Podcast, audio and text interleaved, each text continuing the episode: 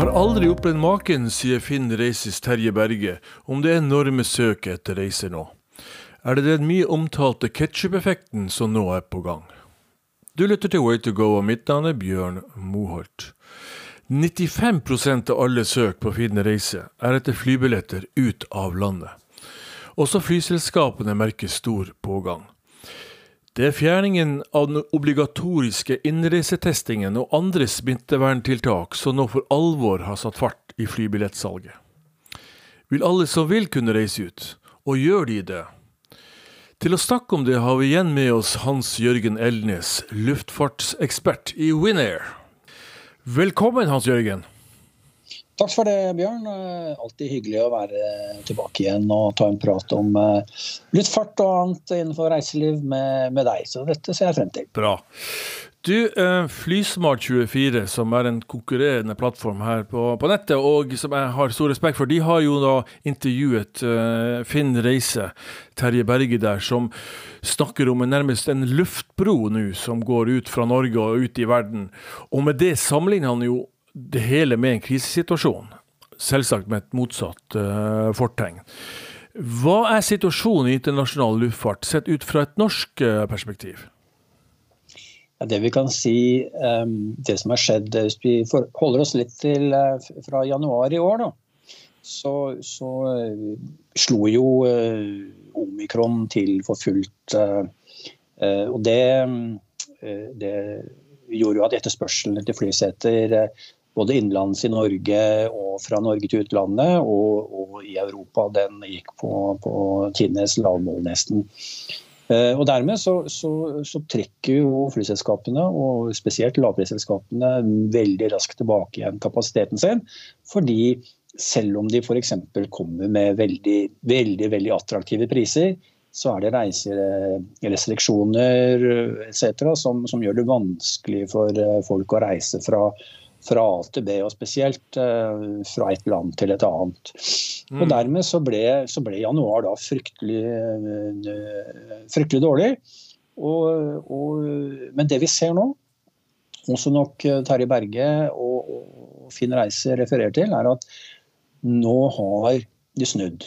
Um, nå har uh, eh, omikron nok toppa ut. Eh, og det kommer lettelser i mulighetene til å bevege seg rundt i, eh, i Europa og i Skandinavia. Og da er det et veldig underliggende reisebehov eh, som, som slår til. Og dermed så øker bookingene betydelig. Uh, og det vi ser hva, som skjer nå, det er at lavprisselskapene er lynraske med å øke kapasiteten sin. Og For å ta et selskap som du og jeg har snakket veldig mye om, mm. men som, som, er lederen i dette her, eh, Ryanair, som er Europas største loppeselskap, altså de har økt kapasiteten med 80 de siste to ukene. Såpass. Eh, mm. Og det er og, og, Men det er faktisk et selskap som har økt mer, og det er EasyJet. De har økt med over 140 Eh, men fra et lavere volum. Så det viser bare hvor lynraske eh, lavprisselskapene er i å øke kapasiteten. Eh, I motsetningen til det vi kaller fullserviceselskap, som er type SAS, Lufthansa, British Airways, KLM, Air France, altså fullservice nettverksselskap. De henger gjerne etter med å nedskalere, og henger etter med å oppskalere. Så mm, Derfor er det viktig at lavprisselskapene er til stede også i det norske markedet. slik at når eh, etterspørselen og eh, ønsket om å reise er til stede, mm. at de da kommer med kapasitet og tilbyr seter som du kan da Markedet kan reise nå eh, hvor de vil, om det er i Europa eller om det faktisk er innenlands i Norge også så, så, er det der. Hva, hva, er det som styrer etterspørsel? Du har jo bl.a. jobbet for Ryanair, og, og, kjenner jo da denne forretningsmodellen de har ganske godt. Er det bare pris? Er det andre faktorer som kommer i spill her, når, når disse prisene skal uh, settes? Ryanair de, de tenker uh, slik uh, og har en strategi som dette her. og det for, for Ryanair så er det om å gjøre å fylle opp flest mulig seter på hver eneste flyavgang. Uh, og For å gjøre det, så, så, setter de da prisene til å bli så attraktive som mulig. Uh, og Grunnen til at de gjør det, Uh, jeg forklare veldig kort om det, mm. Bjørn, som, så lytteren din også, også, forstår det. Nå har jeg noen, noen helt ferske tall på det. I, I, det siste kvartalsresultatet til, til Ryanair, som er da fra perioden oktober til uh, desember i, uh, i fjor, så, så, var gjennomsnittlig enveis billettprisen som selskapet fikk inn for en vanlig flybillett fra AtB hvor som helst i Europa, ca. 25 euro. Og det er altså ned fra et nivå som var før pandemien slo til. Da lå i, la oss si, holde oss i 2019 og litt under 2020, så var den på 45 euro for en enveisbillett ved gjennomsnitt. Men så ser vi det at eh, dette vi kaller for tilleggstjenester, altså bagasje, sete, fast track eh, alle sånne ting som du egentlig ikke nødvendigvis trenger å bestille når du skal ut og reise, men veldig mange gjør det, den sto for 22 euro per passasjer. Så du kan si at Hvis du legger sammen de to tallene, så kommer du nesten til opp til der hvor, hvor, hvor gjennomsnittlig billettprisen var for, før pandemien slo til. Mm. Men, men allikevel så, så, var ikke dette nok for at Ryanair klarte å dra inn eh, noe resultat i, i tredje kvartal. De gikk med dundre underskudd, og verre blir det i fjerde kvartal. Så jo, de bruker pris for å fylle opp setene og skape etterspørsel. Det er hovedstrategien til, mm. til Ryanair og de aller fleste lavprisselskap. Det, det, er jo uh, veldig interessant. det. Jeg vet ikke i hvilken grad kundene kunden hele tiden ser på pris, men når du sier liksom 250 kroner én vei, så er jo det helt vilt.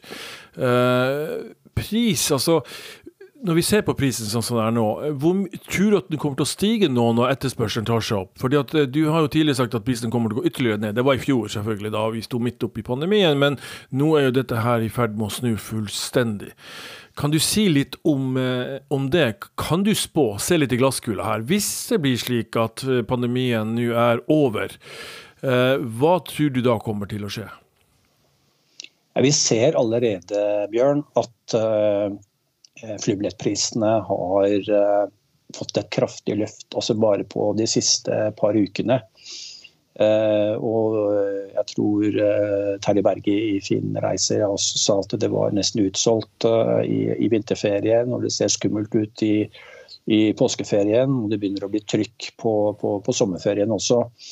Mm. Det som er utfordringen her, Bjørn, det er at den kapasiteten som flyselskapene hadde, da, altså i antall seter og flyruter, før pandemien slår til, mm. den får vi ikke på plass til sommersesongen i år. Det vil kanskje være 15-20% lavere totalkapasitet i Europa enn det det var sommeren 2019. Men det er nok like mange, og vel så det, som skal ut og reise. For nå har det jo vært problemer med å få gjøre det i lang tid. Og da er det jo et underliggende reisebehovet som, som er, gjør at det til, kan bli en voldsom etterspørsel. Da vil det bli kamp om å få eh, booke seter, i hvert fall på de aller mest eh, attraktive eller ettertraktede destinasjonene og, og, byer og flyruter.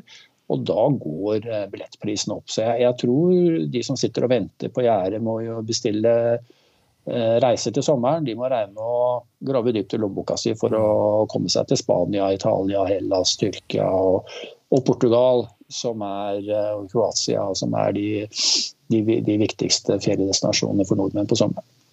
Ja, jeg ser jo at i USA så, så jeg en oversikt over eh, prisstigningen på fly. Der borte så er det 7% sånn i måneden frem til nå, og eller frem mot, uh, mot, våren.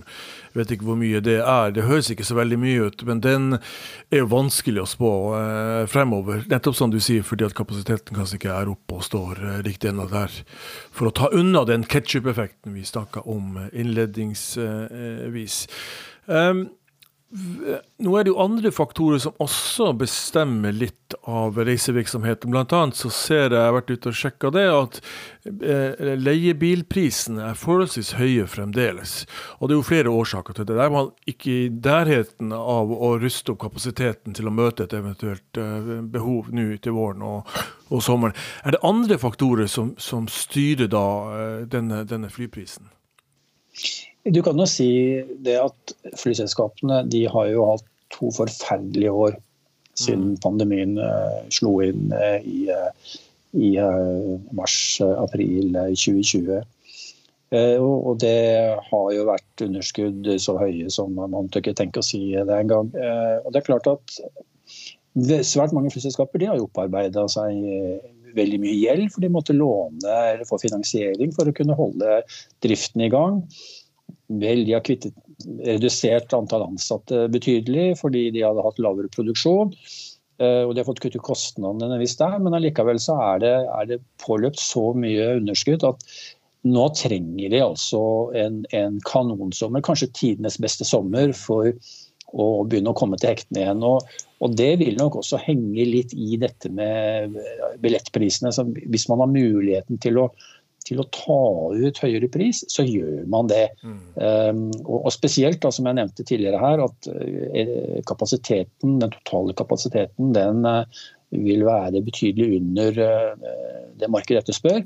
Og da, da utnytter man den muligheten til å kunne ta priser eh, som, som er eh, fornuftige for selskapet. Men mm. på den annen side, Bjørn, så, så jeg vil ikke si at uh, lavprisselskapene i Europa er jo ikke kjent for at de, liksom, de skal makse ut og på en måte melke markedet slik at de mister den troverdigheten til å være lavprisselskap. Men at de, man må regne med at det blir relativt kostbart å fly. Det tror jeg, i forhold til hva man har kanskje hatt tidligere under pandemien og sett priser på, Eh, så tror jeg at vi vil se det i, spesielt i sommer. Ja. Hva gjør flyselskapene for å gire opp eh, kapasiteten? Eh, så, så Norwegian de har jo kvitta seg med veldig mange fly, men så har de kommet inn på avtaler som, som er relativt gunstige for å leie inn flyet. Så vidt jeg har skjønt, så, leie, så betaler de bare for de timene de bruker flyene osv. Kan du si litt om det? Ja, altså Norwegian de har vel omkring eh, rundt 50 fly uh, as we speak. Uh, og de har jo sagt de skal øke det til uh, 70-80-90 fly i år, forhåpentligvis.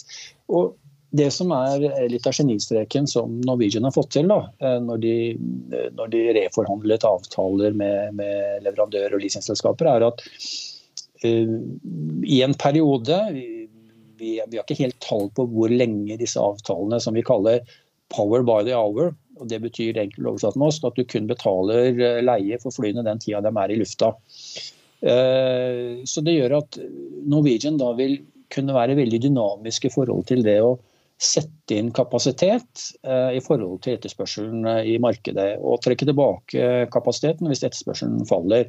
Og Det har vi sett at Geir Karlsen og teamet hans har vært veldig flinke til i i hele høst, og også inn i januar, hvor, hvor de har hatt en forholdsvis høy fyllingsgrad. altså eh, Mellom syv og åtte av ti seter har vært fylt uh, i Norwegian her uh, siden tidlig i høst. Mm. Mens SAS har, har, har, ikke slike avtaler, og de uh, har gjerne hatt mellom fem og seks av ti seter eh, fylt. Og her nå i januar så hadde de under fem av ti seter fylt. Så, de, så eh, SAS har da fløyet med større kapasitet, fordi SAS har ikke denne type avtaler. Og da må de betale for eh, om flyet står på bakken eller er oppe i lufta og flyr. Og da har SAS valgt en annen strategi med å, med å tilby et produkt da, som som eh, spesielt eh, de store næringslivskundene som de har, eh, etterspør. Du skal gå ofte mellom Oslo, Bergen, Stavanger og andre steder for å sørge for at de kommer seg fra A til B når de skal ut og reise. Når vi snakker om utlandet, da, det er jo helst det vi tenker på når vi skal ut på, på ferie. Hvor, hvor, er det folk vil reise nå? Er det de tradisjonelle, the usual suspects, som vi, vi snakker om Spania, Hellas, Tyrkia osv.? Er det de landene som nå vi drar til? Det er vel ikke snakk om så veldig mange nye ruter, nye spennende reisemål som åpnes opp nå. Nå er det egentlig bare å gire på den kapasiteten man har på de mest populære reisemålene. Stemmer ikke det? Jo, ja, det, det, stemmer helt riktig, eh, Bjørn. Og du kan se at sånn I det korte bildet, så eh, etter hvert som de da åpner opp eh, i, i Mellom-Europa, så er det nok mange som vil reise på skiferie til eh, Østerrike, og Sveits, Frankrike og Italia. Eh, men eh, for de som nå søker etter strand og sol og varme, så må det jo ned til utgangspunktet til Kanariøyene og Kapp Verde og, og, sånn akkurat nå. Men, men fremover så, så, er det de trygge og vanlige destinasjonene som, som flyselskapene setter inn kapasiteten på. Og det er dit etterspørselen er, som vi nevnte tidligere, de mm. viktige landene rundt, rundt Middelhavet. Og, og, jeg tror ikke vi vil se at det kommer ruter til merkelige destinasjoner Kanskje vi vil se noe litt mer til nordlige delen av Polen. Kanskje eh, at man setter mer kapasitet inn der, for der Polen er et billig land og fine strender på sommeren. Hvis det blir fullt ned til, eh, til, eh, til middelhavsområdet. Men det, vi får jo se hvordan det går, da. Mm. Ja, Det var litt interessant når du nevner såpass nærliggende land som Polen, og som kanskje langt på vei er underkommunisert som, som sommerreisemål. og jeg har sjøl vært eh, i baltiske landene på, på sommerferie, og det er jo helt strålende. Eh, det er jo kanskje ikke det samme som Middelhavet, der det, er flere antall eh, soltimer i året, men allikevel. Hvis du skal gi noen tips til våre lyttere om hva de bør gjøre for å sikre seg gunstige flybilletter, så bør du vel kanskje gjøre det akkurat nå? Ja, altså hvis har hvis man har veldig klare planer på hvor, hvor er du vil reise i sommer og når du vil reise, så vil jeg jo anbefale at man nå bruker litt tid til å søke eh, først og fremst på flyselskapene sine egne nettsider for å se, eh, finne ut liksom, Og gjerne ta noen, ta ikke ett, ta tre, to, tre, fire forskjellige flyselskap. Og se liksom hvordan prisene ligger i forhold til hva man skal ha. Eh, når flyene går, og hvilken fleksibilitet de har på billetten, og hva du får eh, inkludert ved å kjøpe en flybillett, eller om du må kjøpe noe ekstra for å få med deg bagasje, og booke sete hvis familien skal reise sammen, og alt dette her. Men, men ellers så kan man gå inn på, på charteroperatørene sine sider, eller på, på bookingmotorer som, som, leverer både fly og, og hotell. Um, men som, som jeg har gjort i, i veldig mange år, og, og er at jeg ser fly og booker det, og så booker jeg hotell separat. Men det, da, da, faller man litt mellom to stoler når det gjelder eh, sånn sikringsmekanismer ja, for garanti og sånt. Ja. Mm. Ja da, det jo, blir jo advart mot det, spesielt i disse tider, å gjøre den type kjøp. fordi da er du ikke sikra, da er du ikke omfattet av denne loven, og da du, får du ikke de pengene refundert. Eh, når vi er inne på dette med charter, eh, du overvåker, overvåker vel en del av det markedet også, vil jeg tro. Og eh, hvilke utfordringer ser du der? For å kunne hva skal jeg si, møte den etterspørselen som nå kommer? Ja, du kan si at En ting som ikke vi snakket så veldig mye om i sted når du spurte om ruteflyselskapene, men la oss ta rutefly og konsolidere det inn på charter. for Det er med den samme problemstillingen. fordi at Mange av selskaper har jo nedskalert eh, antall piloter og kabinansatte og teknisk personale og litt nøkkel, nøkkelpersonale på, på bakken. Og etter hvert som man nå bygger seg opp igjen, så er det behov for å få tilbake igjen denne type eh, nøkkelpersonale både i lufta og på bakken. Eh, nå er Mange piloter har kanskje gått uten jobb i, lang tid, og noen har mista sertifikatet sitt, for det må holdes ved like. Andre har begynt å jobbe i andre selskaper. Så det, det, det kan bli en kamp da, for å få nok nøkkelpersonale til å kunne faktisk foreta den oppskaleringen som, som kanskje man markedet kan vise at de trenger. Da.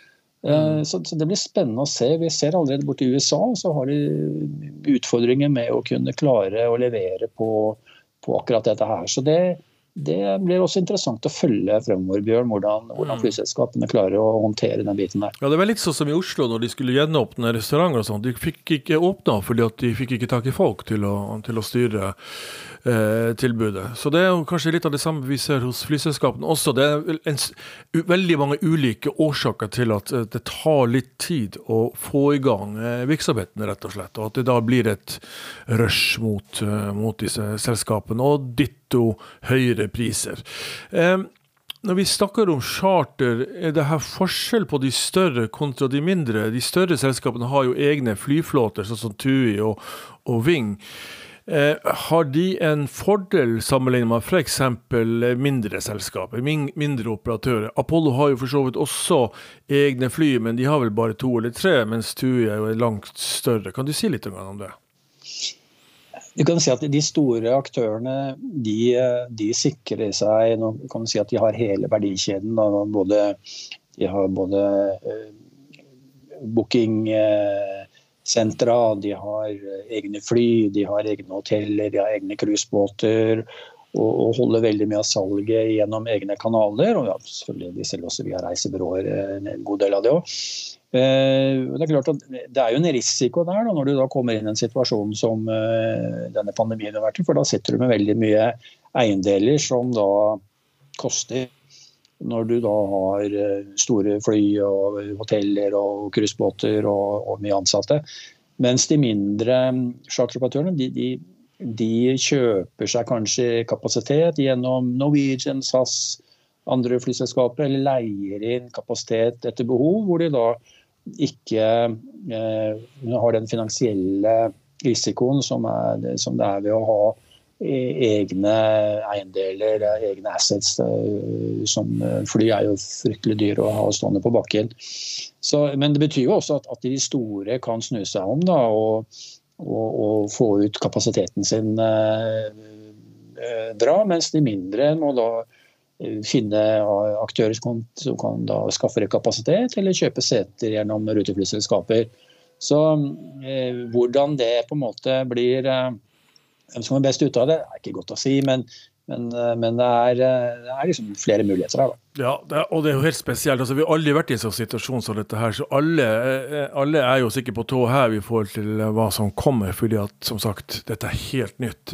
Alt, alt av reiseliv frem til nå har jo vært egentlig ganske behagelig sammenlignet med pandemien. Vi har hatt noen askeskyer her og der og litt sånt, sånt og tsunamier. Men, men i, i, til sammenligning så er det jo ikke i nærheten av den den situasjonen vi er oppe i nå. Eh, et, et, et område som, eh, som ikke snakker så mye om eh, foreløpig, og, men som nå flagges bl.a. av Ving og TUI, så er det dette her med bærekraft. Og senest i dag så har jo vi på Way to Go skrevet om Ving sine ambisjoner om å få det dette dette fotavtrykket eh, sitt. Og blant annet så går de inn på dette her med utslippsfrie, eller eh, lavere ut, utslipp på, på, flyene, flyflåten sin. Og det har de jo jobba aktivt med, sier de, i de siste 30 årene.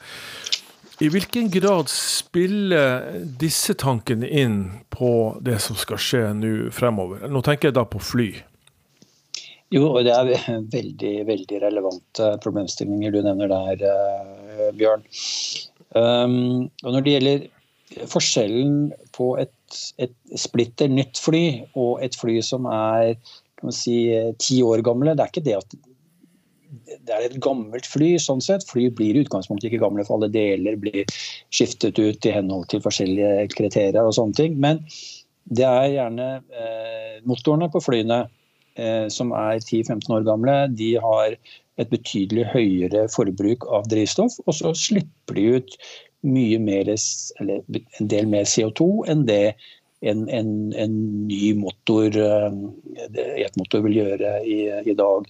Og, og, Hvis vi ser litt på eh, hvilken betydning det har, da, så kan vi si det sånn at eh, Fly må jo ha bensin, altså jetfuel som vi kaller det. Mm. Og den, den, koster nå nesten 100 dollar per, eh, per fat. Og det er den høyeste prisen siden eh, mange, mange år tilbake igjen. Hvor mange liter er det på et fat? Bare jeg var litt nysgjerrig på det. Hvor mange, er det 100, 200? Nei, det, jeg, det, var et eh, litt tricky spørsmål, den der, eh, Bjørn. Den ja. kan jeg ikke ta på stående fot. Men eh, vi får, vi får kalle et ja, fat for et fat. Okay. Ja, jeg er enig i det. altså. Jeg ble plutselig slo meg, for vi snakker jo hele tida om fat. Og jeg faktisk jobba på bensinstasjonen. Jeg husker at vi også solgte fat. Men, jeg klarte aldri å finne ut hvor stort det fatet var. Det var men det er jo sånne, sånne tradisjonelle fat vi, vi, vi, snakker om her. Men det, det er interessant ja, det du sier der med, med en såpass høy pris, og den blir vel ikke mindre i årene som kommer? Nei, du kan si det sånn at det, Dette er jo mange ting som påvirker oljeprisen. Eh, kan man si Oljeprisen ligger jo nå 20 eh, under eh, jetfuel-prisen.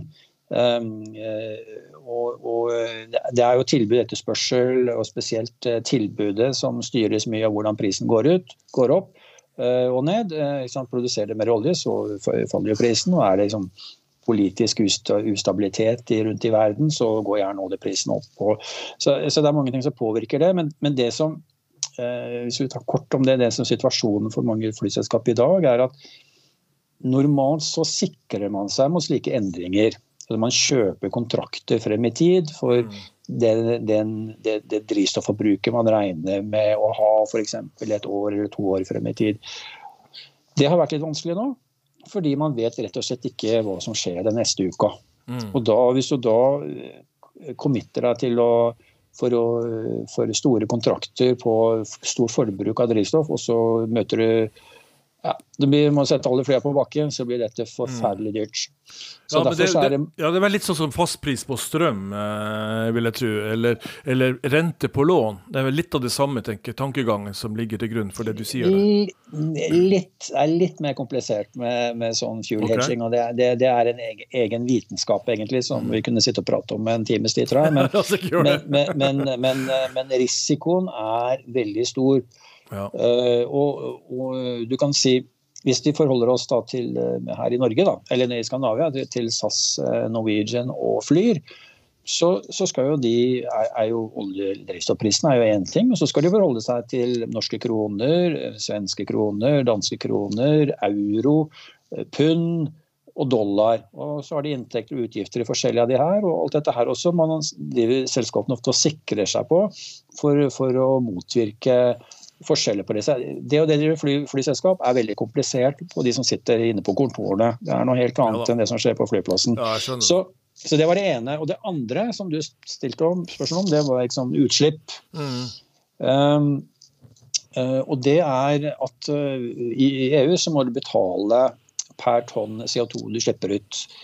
Og den prisen per tonn den ligger nå på nesten 100 euro. Og den er altså opp siden uh, her i høst.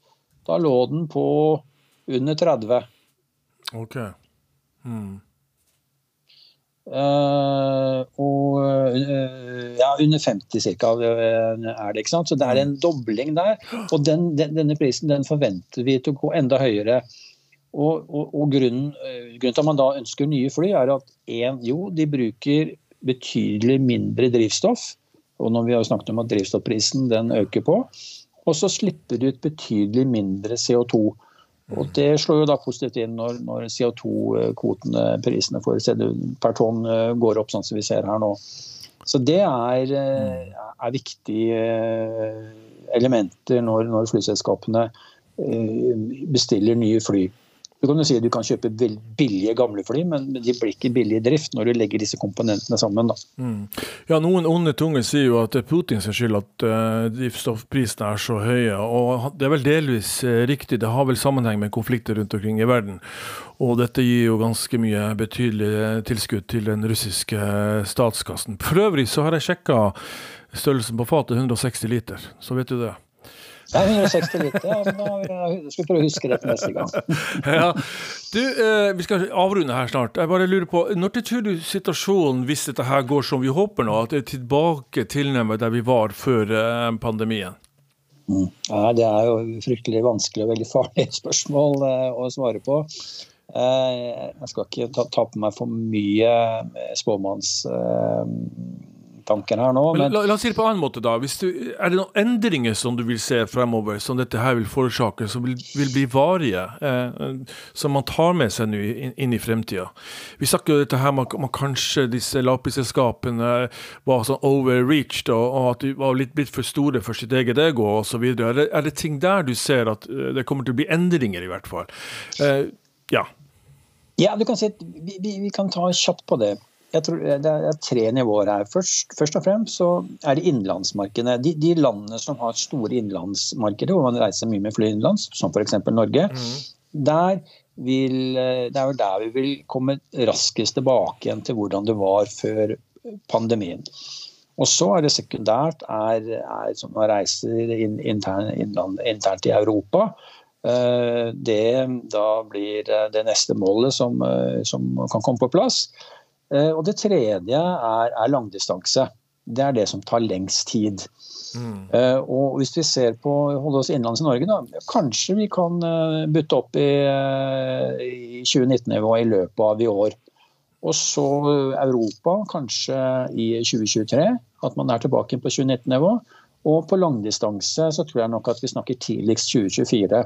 Mm. Og, og, litt om denne endringen i, i, i reiseatferd. Så tror vi nok det at den, den forretningstype reise, hvor man hadde daglige møter borti Bergen, Trondheim, Stavanger, og Stockholm og København, London, det tror jeg det blir mindre av. Mm. Der er det Teams og, og, Zoom og de andre som har overtatt mye av dette her. Eh, men så vil vi se at ferie- og fritidsmarkedet og besøke venner og familie, de vil, de vil, reise mer.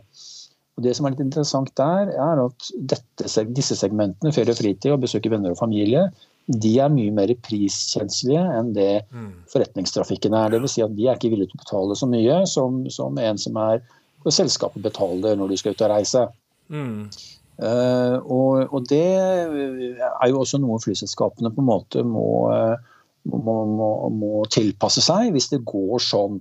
Eh, for da forsvinner jo eh, den der eh, gode, solide næringstrafikken forsvinner mer og mer. Mens den andre segmentet vi snakket om, overtar. og det, det, Da må man være på, på, på hugget på å sørge for at kostnadene er er lave nok til at man kan tilby et totalprodukt og pris som gjør at dette, disse segmentene som ikke vil betale så mye, faktisk vil reise så mye som vi tror. Da. Jeg tror en måte kanskje få opp forretningsreisesegmentet er såkalte blessures. Altså at uh, de forretningsreisene også kombinerer det med, med, ferieturer. Det tror jeg er et område som kanskje vil vokse en del uh, fremover. Nettopp fordi at man ønsker å få i gang denne, denne, denne forretningstrafikken.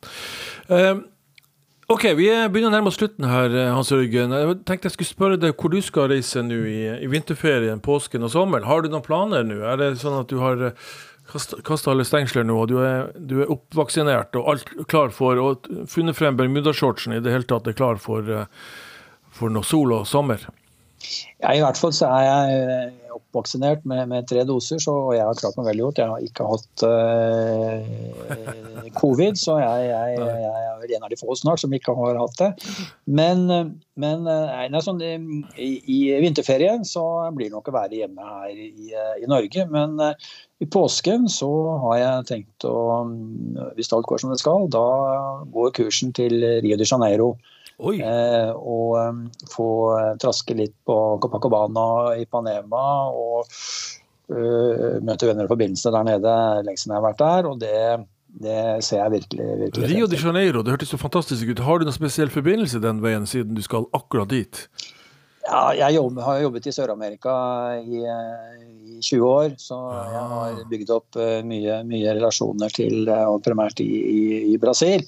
Så Rio er har alltid vært et av mine favorittdestinasjoner og en veldig flott by som jeg kan anbefale ja. mange å reise til hvis de, hvis de har lyst på, på, storby og strand uh, uten å møte masse turisme når du går ut døra fra hotellet, for å si det sånn. Ja, riktig.